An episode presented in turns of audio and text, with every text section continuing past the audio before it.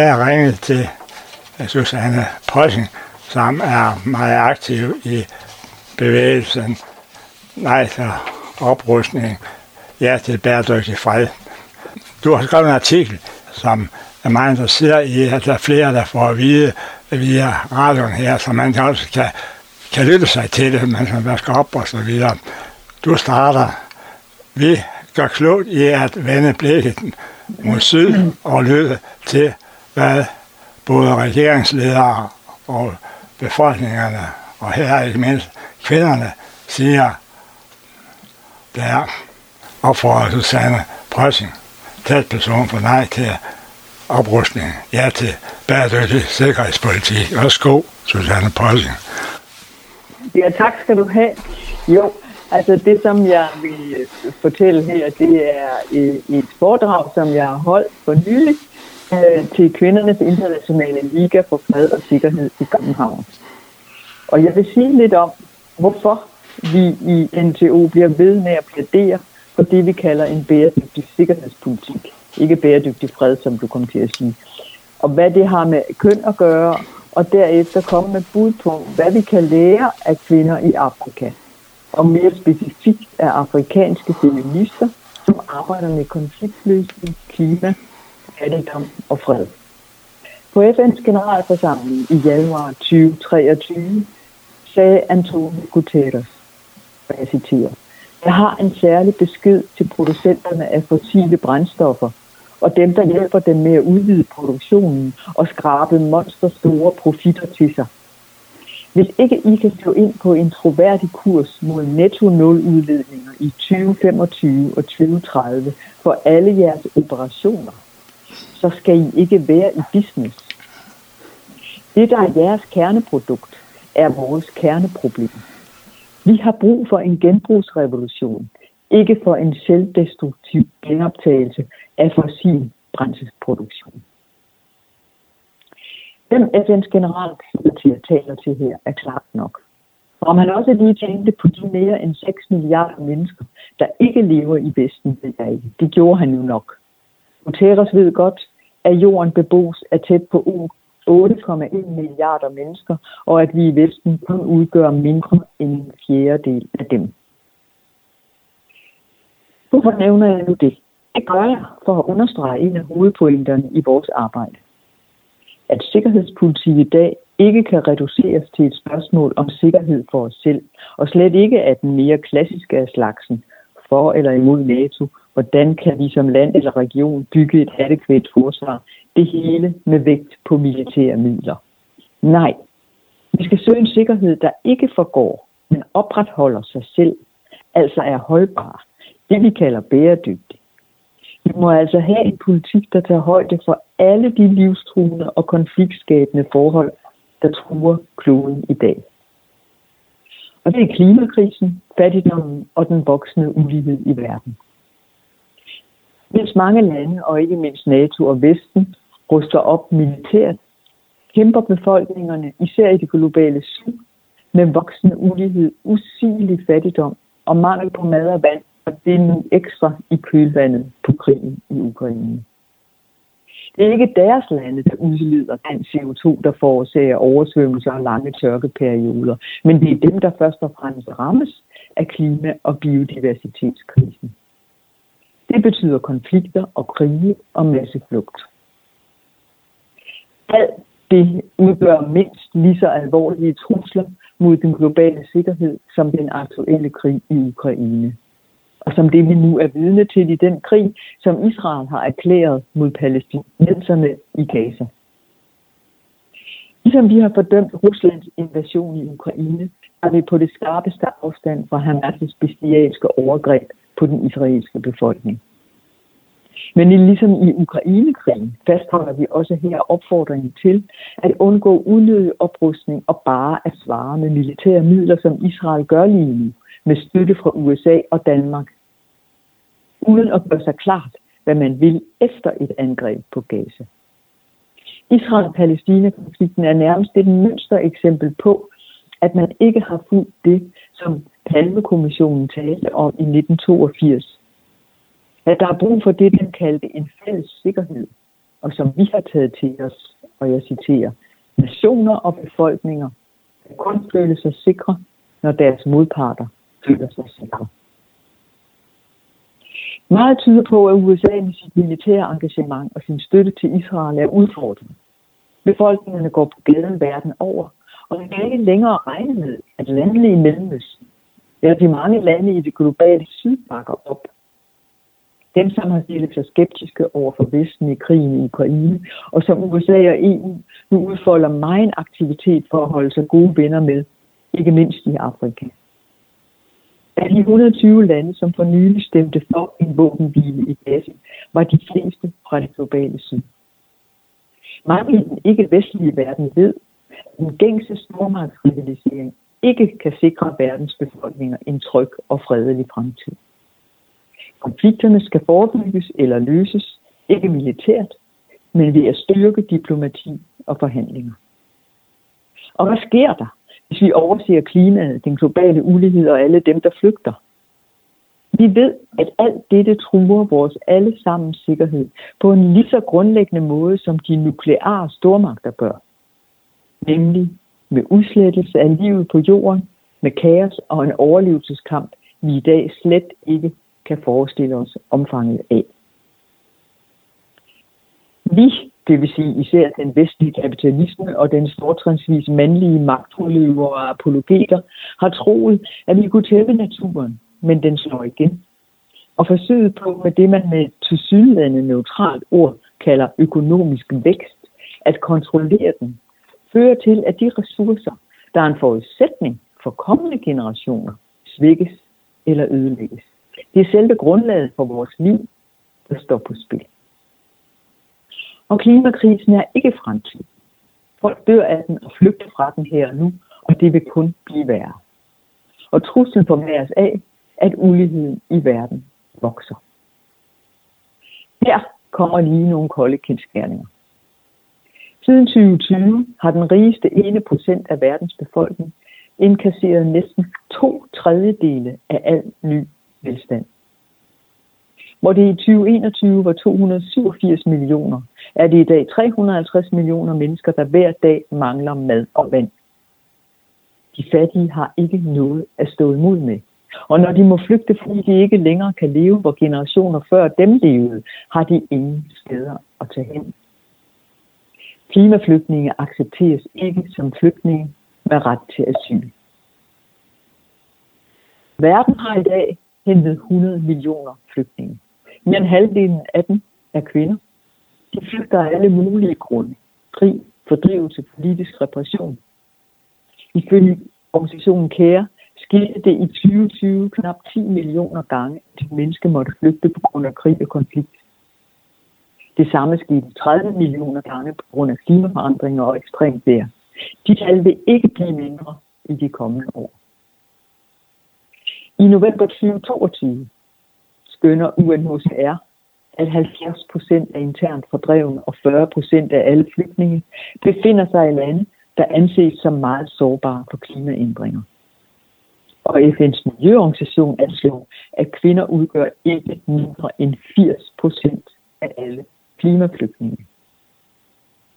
Om dem ved vi, at de lever i ekstrem usikkerhed, og at de jævnligt bliver udsat for overfald, udnyttelse og seksuelle overgreb. Det hele noget, der ofte bliver overset i procedurerne for modtagelse af mennesker på flugt. Samtidig ved vi med, at kvinder og piger er mest udsatte i klimakrisen, har de færre chancer for at tilpasse sig på grund af deres forvejen ringere muligheder. Kvinders adgang til lønnet arbejde er globalt set ringere end mænds, og for mange begrænset til usikre, dårlige lønnede jobs i den såkaldte uformelle sektor. Når krisen rammer og klimaændringerne fjerner livsgrundlaget, forringes også kvindernes muligheder for at finde måder at sikre deres egen og familiens overlevelse. Så meget desto mere som vi ved, at i de fleste steder er kvinderne, der har hovedansvaret for at sikre omsorg for børn, svage og syge, og for at familier i lokalsamfundet har mad, vand og det nødvendige. Det er derfor, vi lægger op til at støtte de bevægelser af ikke mindst kvindelige klimaaktivister og småbønder overalt i det globale syd. I Latinamerika, i Asien og i Afrika, som yder en enorm indsats for at udvikle små og større brug, der kan beskytte jorden og vandet og skoven.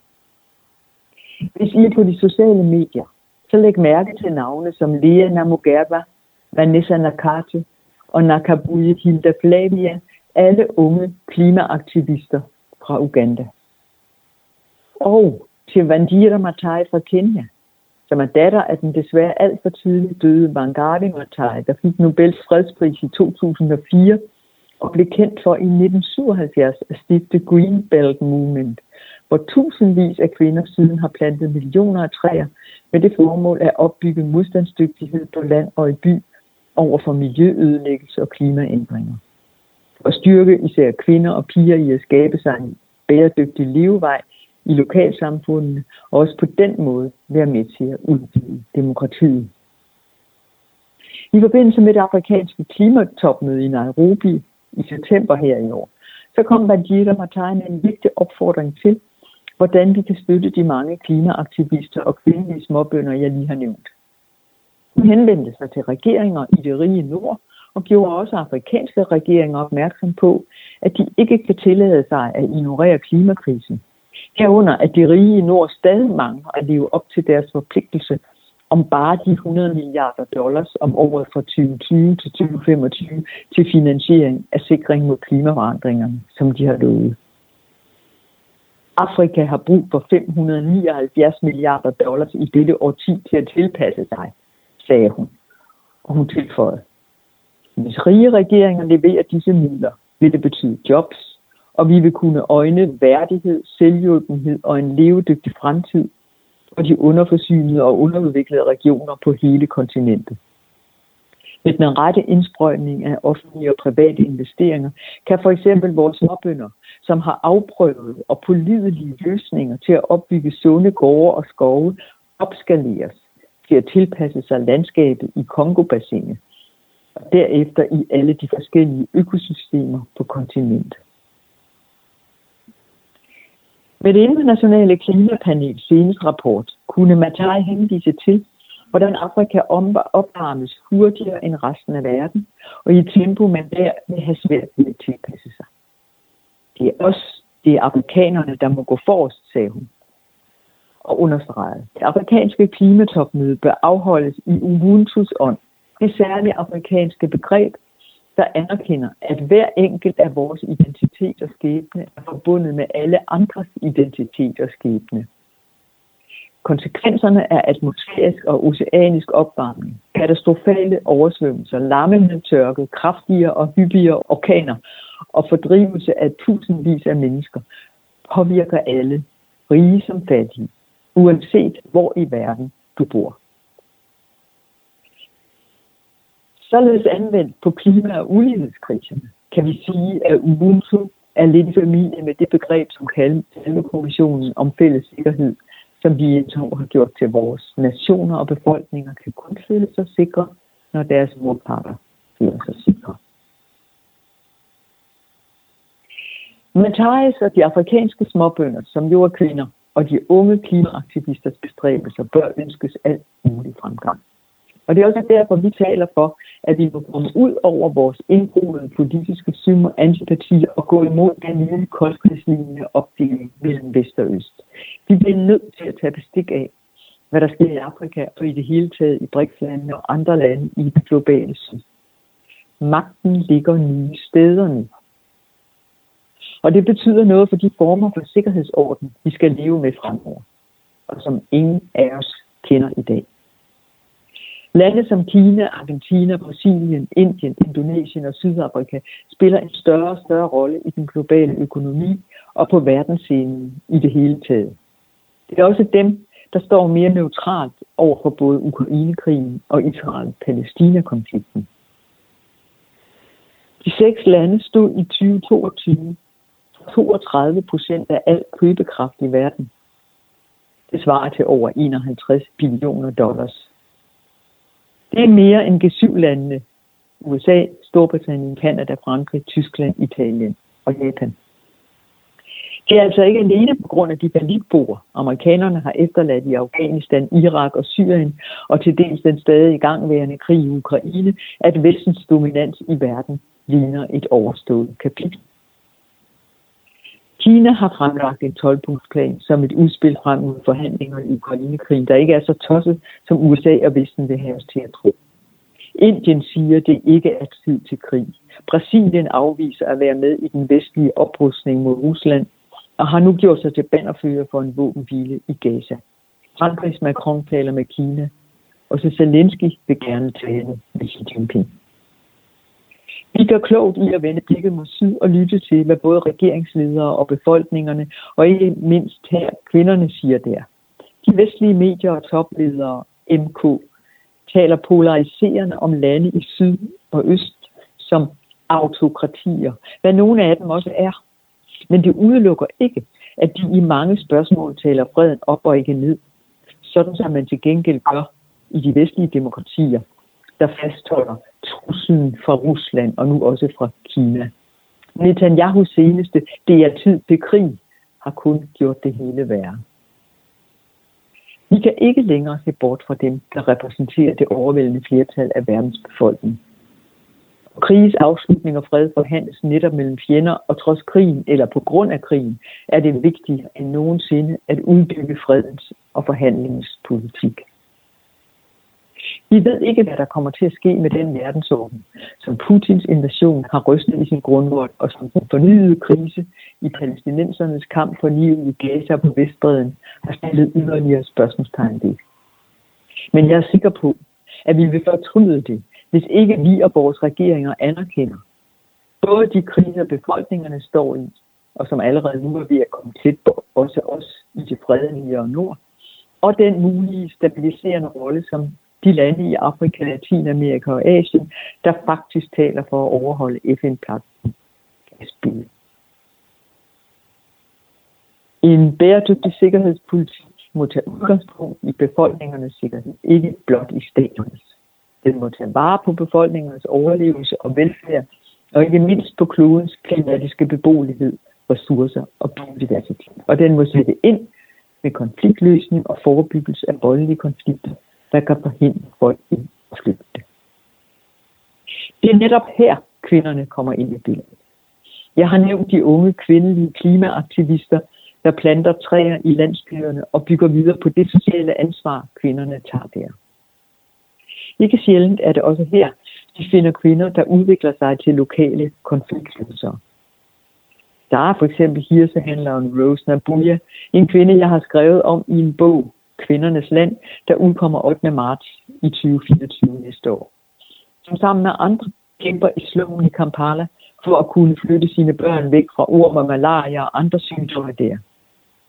Der er præstedatteren Ruth Utiengo Chambo, der med sin organisation Isis Lika i Kampala, som nu hedder Women's International Peace Center, har været med til at støtte og træne kvinder i en række lokalsamfund som konfliktmalere i stridighed om jord, overdrivet eller seksuel vold, og som bruger erfaringerne derfra i sit internationale arbejde for fred.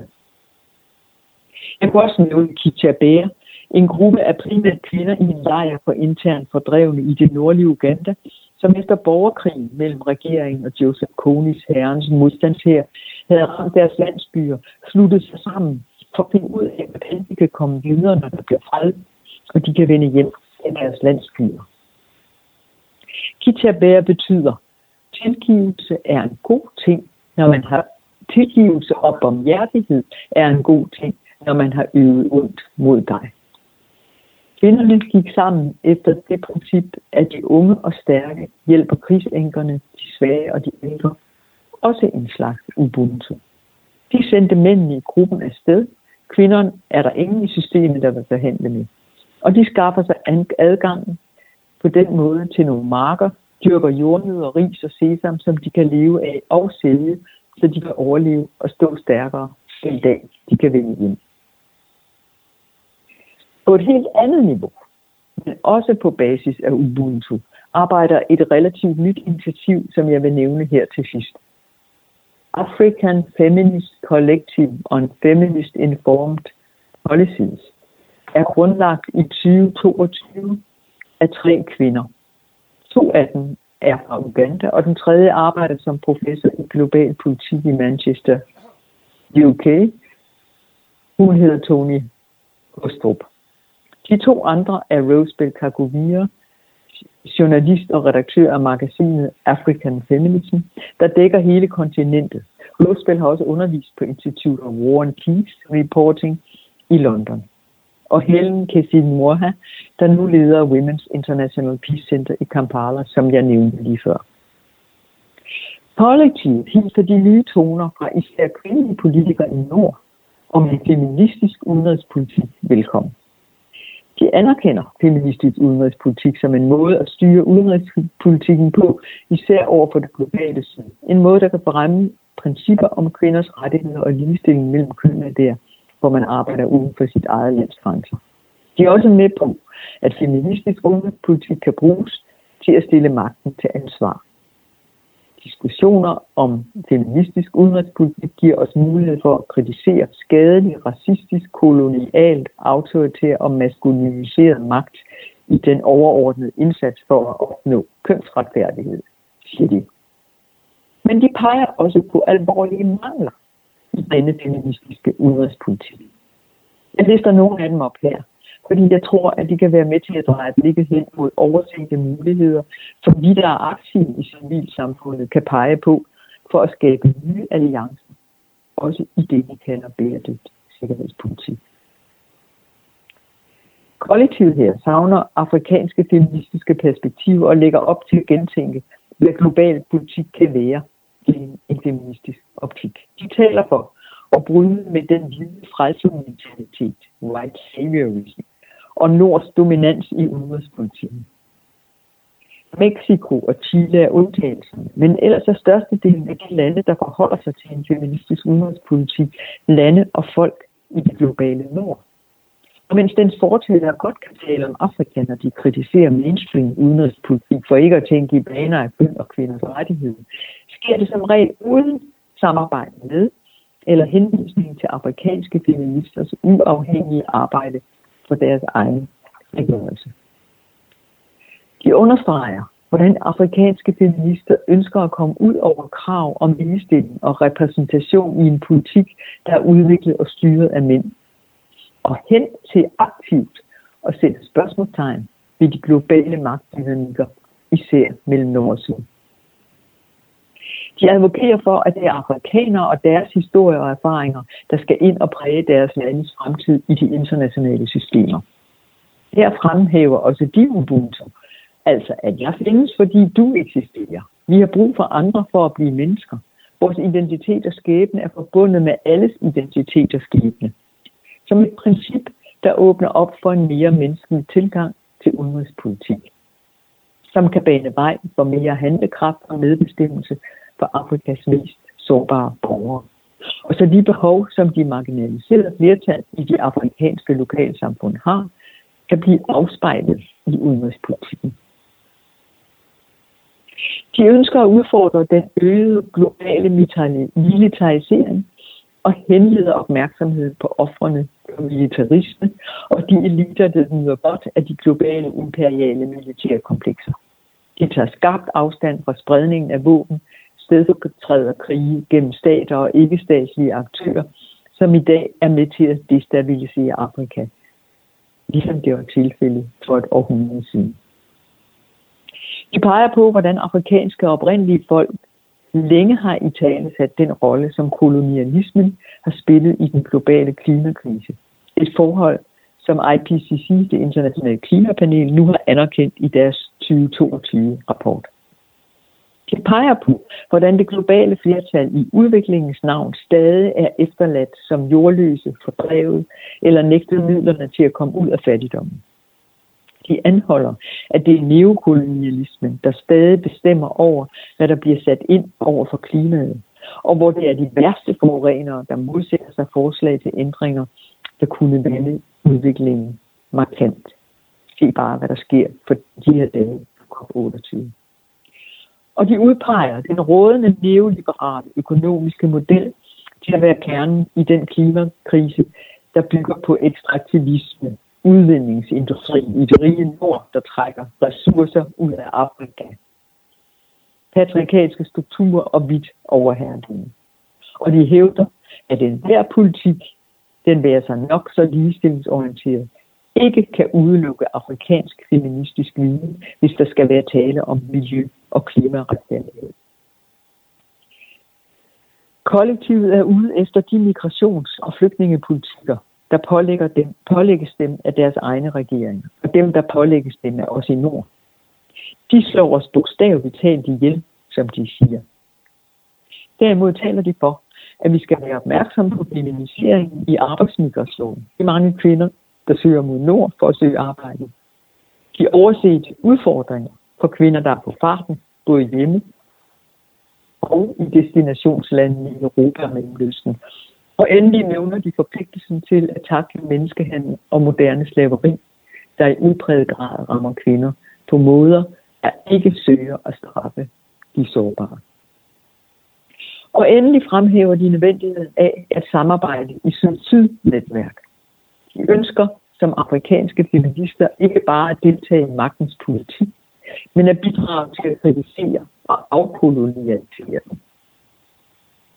I dag, hvor vi lever i en multipolær verden, er det samarbejde afgørende for at kunne tale for at bedrive det, de kalder feministisk informerede politikker, på måder, der afmonterer det hvide overherredømme og fremmer mere fællesskabs- og menneskecentrerede tilgang. Altså igen omtalte upunktet her med et svirp mod den rige verdens hegemoni. De ser det som en vigtig begyndelse på et egentligt alternativ mod en mere retfærdig verden. Spørgsmålet er nu, om jeg kan konkludere noget her. Jeg ved det ikke. Der er meget, ligesom civilsamfund og borgere er afskåret fra at gøre. Så meget ved vi. Men hvis ikke det, vi trods alt kan, hensyn til det socialt omfattende arbejde, som kvinderne udfører, og som har udgangspunkt i børnenes og familiernes og mere bredt i befolkningernes behov for sikkerhed for, at de kan få ordentlig mad, drikke, husly, sundhedspleje og skolegang, så går det galt. Det kan vi advokere for, og vi kan være opmærksom på de kampe og erfaringer, de afrikanske kvinder gør sig sammen med de mange unge kvinder i den globale klimabevægelse, bærer de, så vidt jeg kan se, kimen til en anden verden i sig. Som for eksempel når aktivister og småbønder planter træer i landsbyerne for at takle klimakrisen, hvor det er omsorgen for befolkningen, ved og vel, der er det styrende. Helt modsat de former for sikkerhedspolitik, som råder lige nu, og som først og fremmest ruster op militært. Hvor det er Ubuntu og den fælles sikkerhed, der driver værket, ikke den ene eller den anden positionerer sig i forhold til stormagtsinteresserne. Jeg slutter her. Mange tak, øh, Susanne Possing, for at du her åbenbare de afrikanske øh, kvinders øh, betydning, og vi har en ressource her, og den generelle optimisme, du derved øh, giver os men vi skal selv gøre arbejde med at give plads. Jeg synes, at det var et flot indlæg, som jeg bare vil lade stå her, og så uh, må vi bare have arbejdet i, i gang, som du foreskriver. Og mange tak, Susanne Poulsen, fra nej til oprustning, ja til bæredygtig sikkerhedspolitik. Velbekomme. Så lægger du ud på alle dine mange platforme. Ja, ja, ja. Ja. Det, det er godt. Ja. Og husk at henvise til øh, det der øh, sted, hvor den ligger på vores hjemmeside, så kan folk gå ind og læse det der. Ikke? Fordi der er jo mange, ja. det er jo meget øh, fakta med det foredrag, ikke? Ja, ja. Her med slut på foredrag af Susanne Poulsen fra Nej til oprustning, ja til bæredygtig sikkerhedspolitik som er indtalt den 8. december 2023, men oprindeligt blev holdt den 4. november til Kvindernes Internationale Liga for Fred og Frihed. Man kan også høre indslaget her straks som podcast på flygtninger og freds netside flygtninger og fred.dk, som man kan høre os på en mobilskast app og på YouTube. Man søger bare på flygtninge og fred og på flygtningerfred.dk jamen desuden hører yderligere oplysninger og man kan læse og man kan og man kan kommentere sig abonnement på flygtningerfred.dk og Arnes Mail. Susanne Possen henviser jo til nej til oprustning, ja til en bæredygtig sikkerhedspolitik netsider, hvor man bare søger på navnene så dukker der en hjemmeside op og en Facebook-side, hvor man finder masser af oplysninger.